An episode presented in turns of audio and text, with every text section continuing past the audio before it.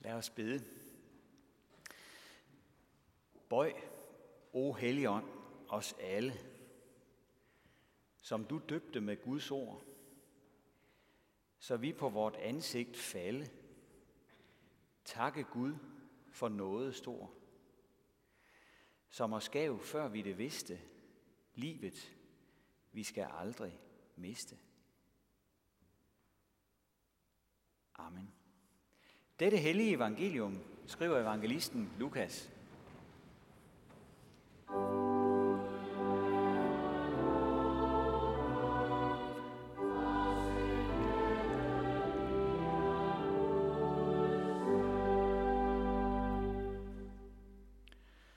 Under sin vandring mod Jerusalem fulgte Jesus grænsen mellem Samaria og Galilea.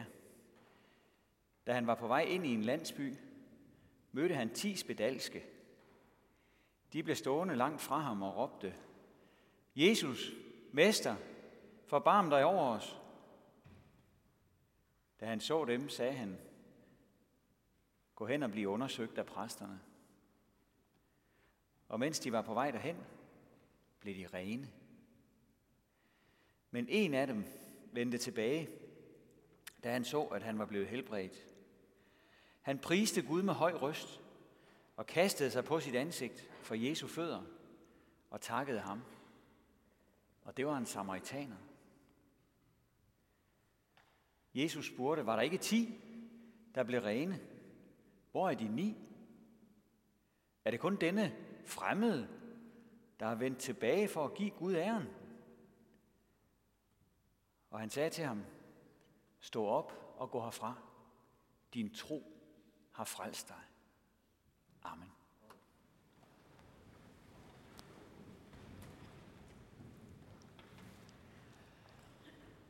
Jesus er på vej til Jerusalem. Det er en oplysning, som vi får igen og igen i Lukas evangeliet. Næsten som et omkvæd, der gentager sig. Det er Jerusalem, der er målet for hans sidste rejse med sine disciple. Men det bliver ikke en direkte rejse fra Galilea i nord til hovedstaden i syd. Jesus ligesom zigzagger ned igennem landet. Det er som om han har lagt en række via-punkter ind undervejs. Han skal nå nogle bestemte mennesker på vejen. Nogle, som må i nærkontakt med ham, før han er parat til at overgive sig til sine fjender. Og i dag hører vi om en af de afstikkere, som Jesus tog for at komme i nærkontakt med bestemte mennesker. Turen går til grænselandet mellem Galilea og Samaria, et øde område, lidt af et ingenmandsland. Sådan en egen, hvor de udstødte søgte hen, som ikke måtte være i kontakt med andre mennesker. Og det måtte man ikke som spedalsk. Var man ramt af den sygdom, så blev man udstødt af familiens fællesskab, udstødt af landsbyens fællesskab. Man var blevet uren, og man smittede andre. Derfor søgte de spedalske ud i periferien, i bjergene eller i grænseegnene, hvor der ikke boede nogen. At Jesus møder en hel flok af dem, øh, det svarer fuldstændig til virkeligheden. Mennesker, der var blevet inficeret af denne her farlige smitsomme sygdom, søgte sammen for at hjælpe hinanden i deres fælles tragedie – her blev alle de almindelige forskelle mellem mennesker ophævet. Fattige og rige blev lige, som de ofre, de var for denne her sygdom. Selv jøder og samaritanere blev forenet af den samme tunge skæbne, hører vi her. Det var meget usædvanligt. De ville jo ellers ikke have noget med hinanden at gøre, jøder og samaritanere. Den brogede flok, som Jesus mødte, stod på afstand af ham, hører vi. Øh, derfor er de nødt til at råbe. Ifølge gældende lov, der måtte de nemlig ikke komme i nærheden af raske mennesker. Jeg tror ikke, at nogen af os kan leve os ind i den nød og elendighed, som de her stakkels mennesker har stået i. Prøv at tænke, alle drømme, alle fremtidsplaner var fortid. Det liv, som de havde haft før med uddannelse eller arbejde eller hvad det nu var, med familie og venner, med gudstjeneste og socialt liv, Det var nulstillet alt sammen. Og dertil kom fattigdom og elendighed, sult, håbløshed. Vi forstår godt, at de råbte, Jesus, Mester, forbarm dig over os. Hvis de bare har haft den mindste smule tro på, at Jesus, han kunne hjælpe, så ville de råbe sådan. De må jo have råbt ud af total afmagt. Og Jesus han hører dem, og Jesus han hjælper dem. Han helbreder dem, dem der havde opgivet at blive helbredt, men som alligevel sådan på afstand af ham vågede at råbe deres desperate lille bøn til ham. Lige netop de mennesker var altså grunden til, at han lagde ruten omkring denne her kedelige, øde grænseegn. Havde han taget den direkte rute til Jerusalem, var han nået frem noget før. Han kunne have indlogeret sig et godt sted. Han kunne have sundet sig lidt nogle dage, øh, før han gjorde sit indtog i hovedstaden, hvor kors og døden ventede. Men nej, han ville ud og møde de håbløse. Først ville han møde dem, først ville han hjælpe dem. Bare nogle få kapitler længere hen i evangeliet siger han, da han har fundet en anden marginaliseret mand, som endda sidder oppe i et træ. Menneskesønnen er kommet for at opsøge og frelse det fortabte. Det er programmet for hele den mission, Jesus er ude på. Det er formålet med alle hans møder med afmægtige mennesker af alle slags. Og sådan opsøger Jesus stadig det fortabte menneske. Det er ikke kun noget, der var forbeholdt de særligt heldige, der kunne ske at støde på ham for 2000 år siden på en grusvej i Israel. Jesus han opsøger og frelser stadig den dag i dag. Jesus han lever. Jesus han taler sit ord ind i menneskers liv. Hvor det ord bliver forkyndt eller læst, der er det Jesus selv, der er på færre. Jesus gør også godt imod mennesker den dag i dag. Han griber ind i menneskers liv, her hvor vi er. Og han hjælper den, der står på bar bund. Jesus hører små, desperate bønder. Jesus giver nyt håb. Og han gør stadig under. Og der er noget dejligt uforudsigeligt over det alt sammen. Jesus ligesom zigzagger sig vej gennem verden, gennem landet, gennem vores lille by, gennem vores lille kirke. Og igen og igen overrasker det os, hvem det er, han møder, hvem det er, han redder.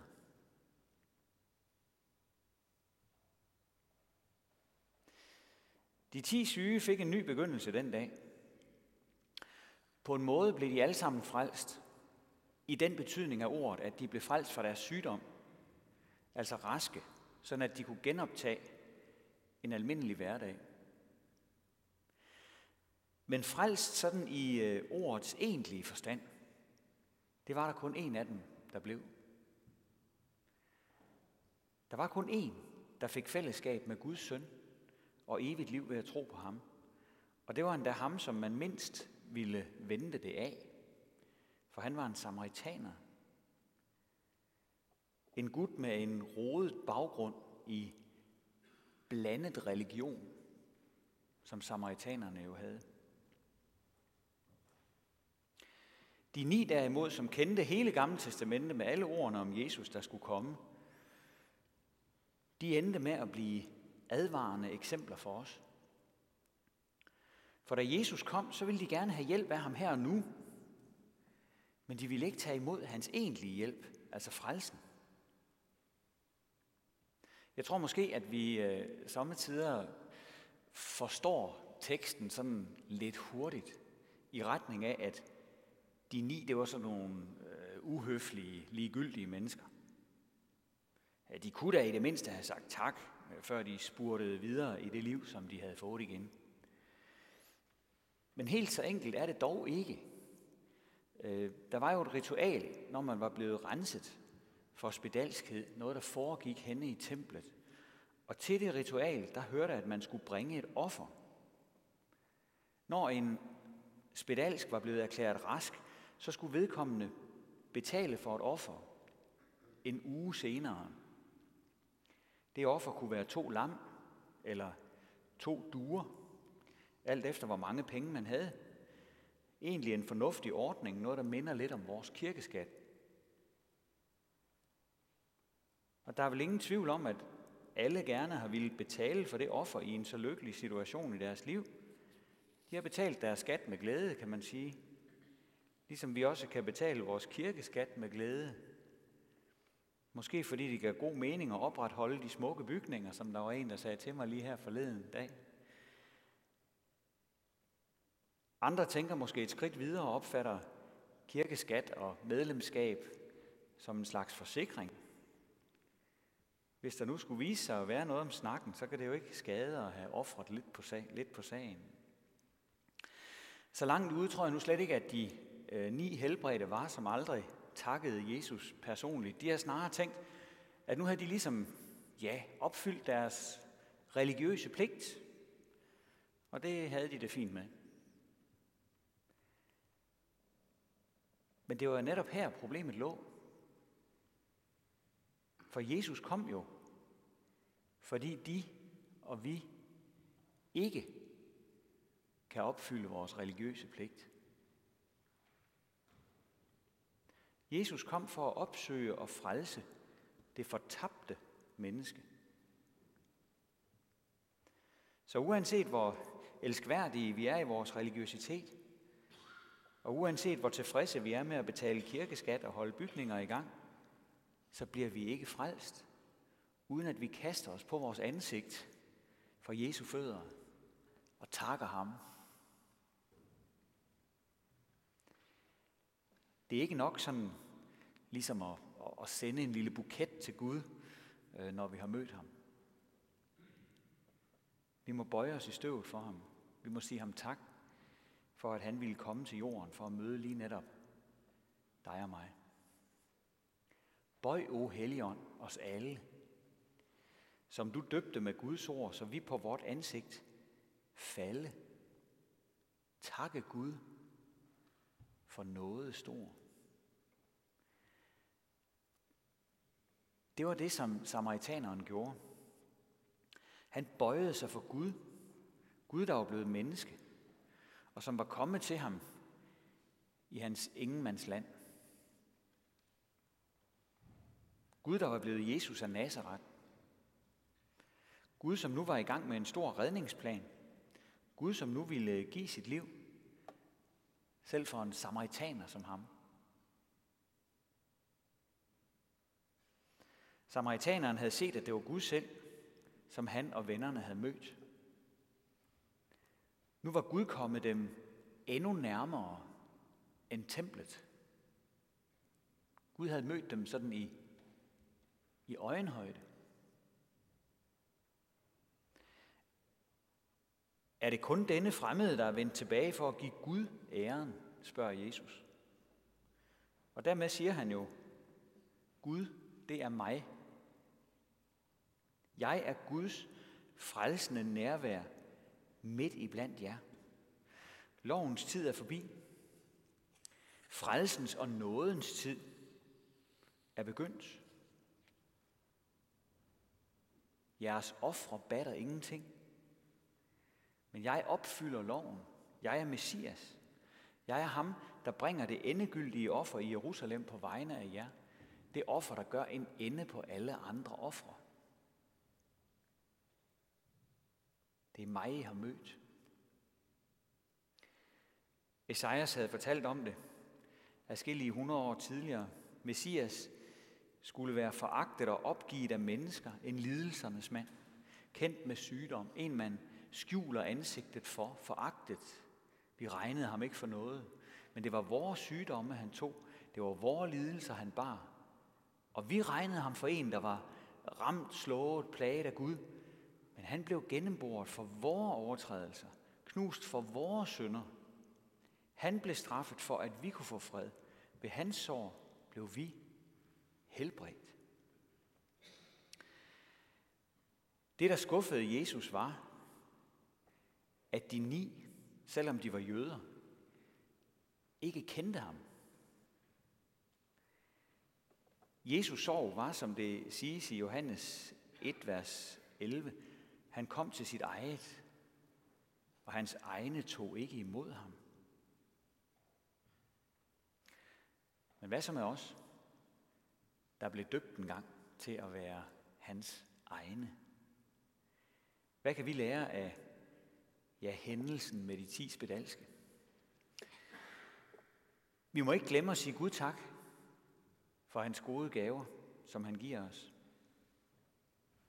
Vi må ikke glemme at sige Gud tak for helbred og for gode kår. Det er en ting, vi kan lære. Men først og fremmest, så må vi huske at takke ham for den allerstørste gave, han har givet os.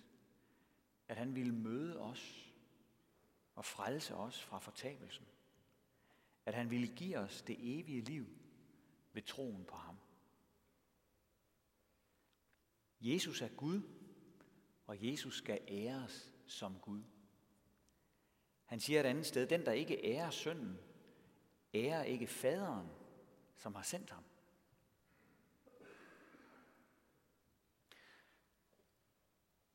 Der er et sted i evangeliet, hvor Jesus spørger disciplene, men I, hvem siger I, at jeg er? Og det er her, vi ligesom ender med historien med de ti spedalske. Er Jesus en, som det sådan er rart at støde ind i, fordi Gud øh, åbenbart bruger ham til nogle gode ting, noget som vi også godt kan lære et eller andet af? Eller er Jesus Kristus, den levende Guds søn, som Peter, disciplen, bekendte? Er Jesus den eneste, der kan frelse dig og mig, og som vi må falde på knæ for og lægge hele vores liv i hænderne på. Det har både at gøre med, hvem vi regner ham for, men også i høj grad med, hvem vi regner os selv for at være. Er vi øh, selvhjulpende mennesker, der bare sådan skal hjælpes lidt på sporet igen en gang imellem, og som så passende kan sende Gud en venlig hilsen og en buket? Eller er vi simpelthen fortabte uden ham? Jesus siger, at det sidste gør sig gældende. Vi er fortabte uden ham. Og det var derfor, han kom. For at frelse os, som ellers er fortabte. Han er nøglepersonen. Han er den eneste, der kan redde os. Og hvis vi ikke bøjer os for ham, hvis vi ikke bøjer os for hans ord, hvis vi ikke bøjer os for hans dåb, hvis vi ikke bøjer os for hans nadver, så ender det med, at vores liv bliver tomt. Men bøjer vi os for ham og giver ham æren, så vil han sige til os, ligesom han sagde til samaritaneren, stå op og gå herfra, din tro har frelst dig. For så har vi taget imod ham, og så har vi æret ham som den, han virkelig er. Ære være faderen og sønnen og helligånden, som det var i begyndelsen, så også nu og altid og i al evighed. Amen. Og lad os rejse os og med apostlen tilønske hinanden, hvor Herres Jesu Kristi nåde, Guds, vor Fars kærlighed og Helligåndens fællesskab være med os alle.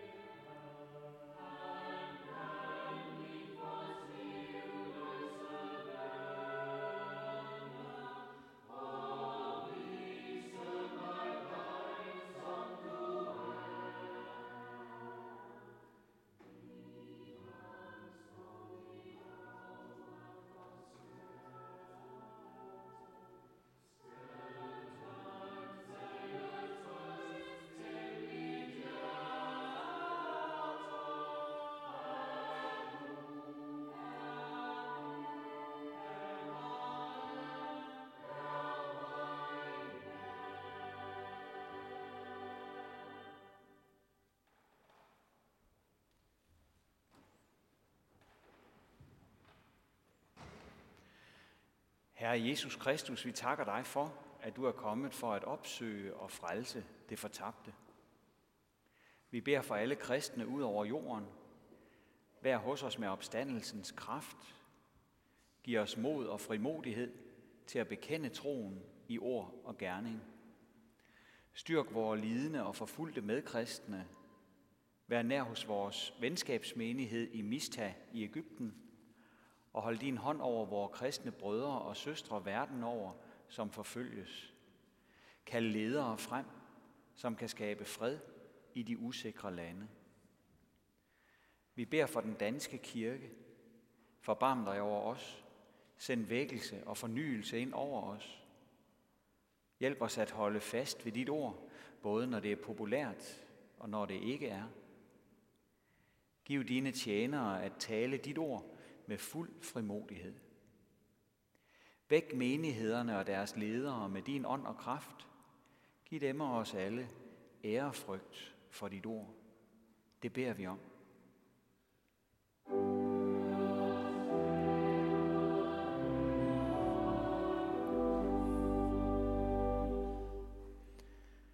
Vi beder for din menighed her hos os, for enhver i dette hus.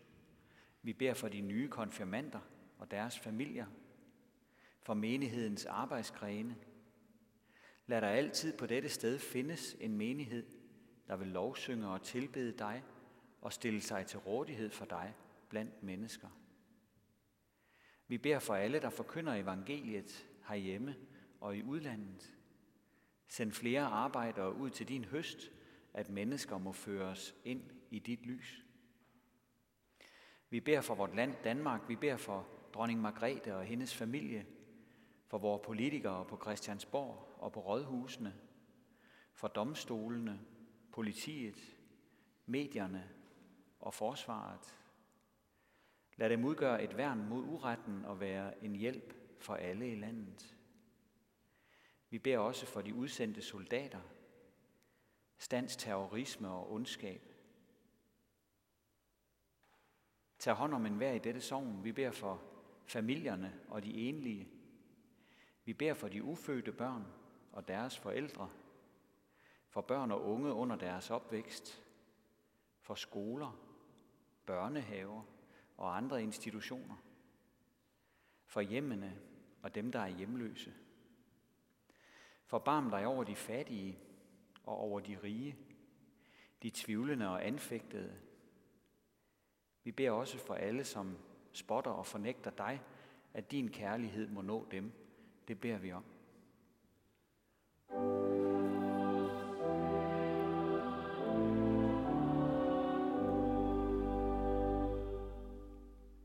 Vi beder dig for alle, som lider nød.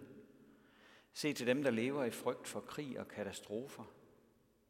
Se til alle flygtninge, alle som lever i sult og mangel, alle som mangler arbejde. Vi beder for de mishandlede og misbrugte. Lad dem opleve din lægedom. Vær med dem, der sidder med sorg og savn. Se til vores syge i deres hjem, på vores plejehjem og hospitaler. Vi beder for de gamle, og for dem, der skal dø, og dem, der skal være hos dem til sidst. Vi beder om, at vi selv må være forberedt på at skulle forlade dette liv og stilles for din domstol.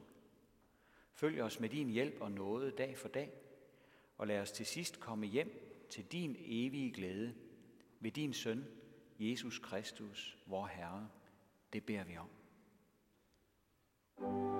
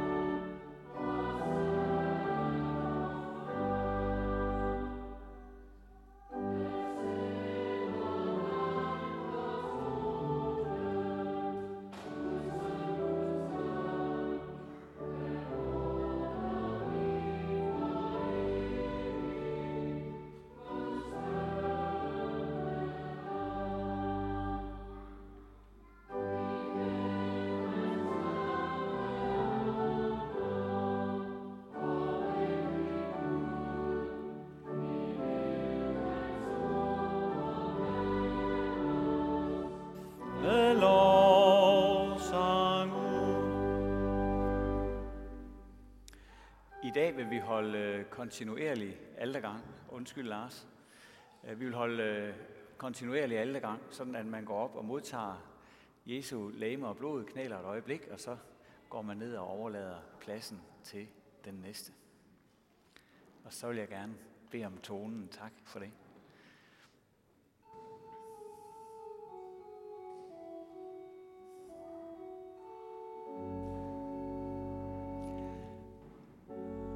Opløft jeres hjerter til Herren, lad os prise hans navn. Vi takker og lover dig, Gud Fader almægtige, ved Jesus Kristus, vor Herre. Du skabte himlen og hele dens her, jorden og alt, som er derpå. Liv og ånde giver du os, med os daglig af din fylde. Derfor vil vi med hele din menighed på jorden og i himlen, i kor med alle engle, synge din herligheds lovsang.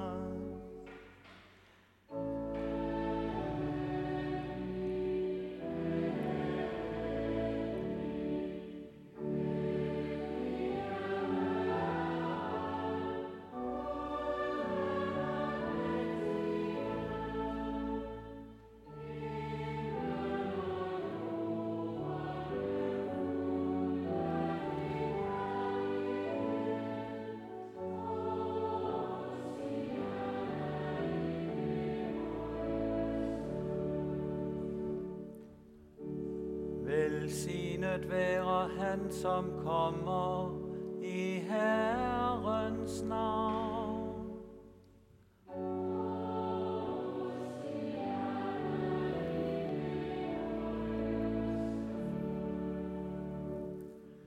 Lovet være du, hellige Gud og Far, fordi du friede os ud af mørkets magt og førte os over i din elskede søns rige. Vi ihu kommer med taksigelse af hans bitre lidelse og død, hans sejrrige opstandelse og himmelfart, og forventer hans komme i herlighed. Vi beder dig, send din helligånd over os og dette måltid. Giv os i tro at modtage vor Herres Jesu Kristi læme og blod, og derved fordel i hans fuldbragte offer til søndernes forladelse og evigt liv. Lad os ved hans kærlighed vokse i enheden med alle troende, og samles med din menighed, når du fuldender den i dit rige.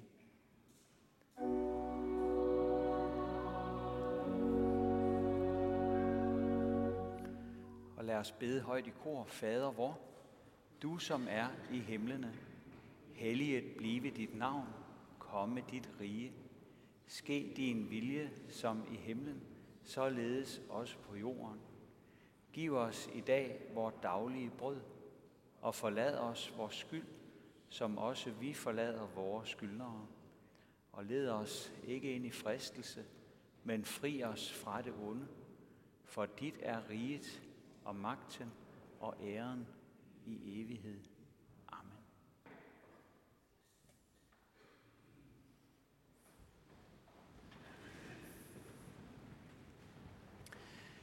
Herre Jesus Kristus tog i den nat, da han blev forrådt et brød, takkede og brød det, gav sine disciple det og sagde, Tag dette og spis det, det er mit læme, som gives for jer.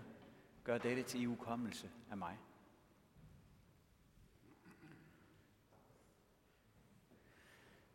Lige så tog han også bæret efter aftensmåltidet, takkede, gav dem det og sagde, drik alle heraf.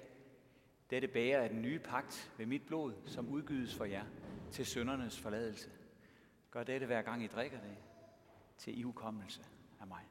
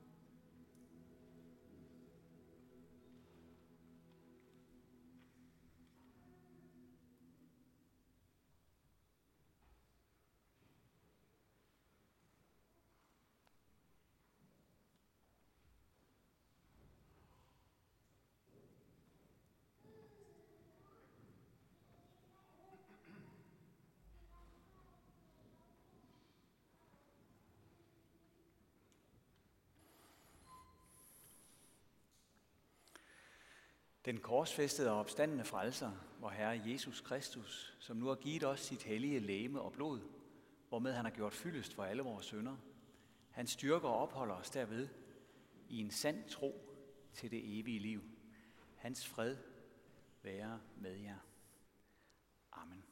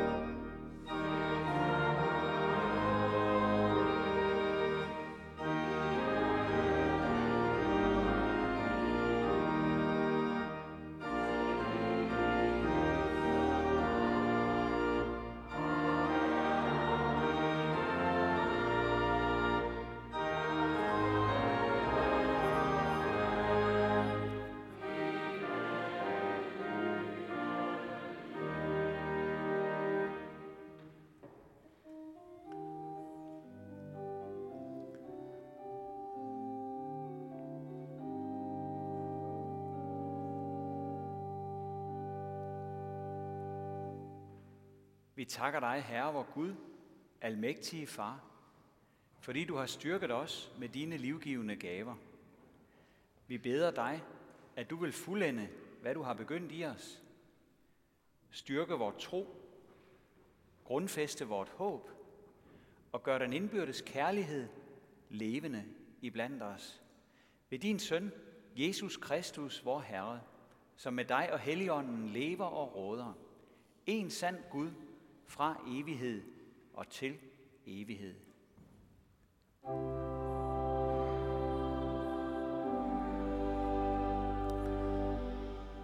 Lad os rejse os og modtage Herrens velsignelse. Herren velsigne dig og bevare dig. Herren lad sit ansigt lyse over dig og være dig nådig. Herren løfte sit åsyn på dig og give dig fred.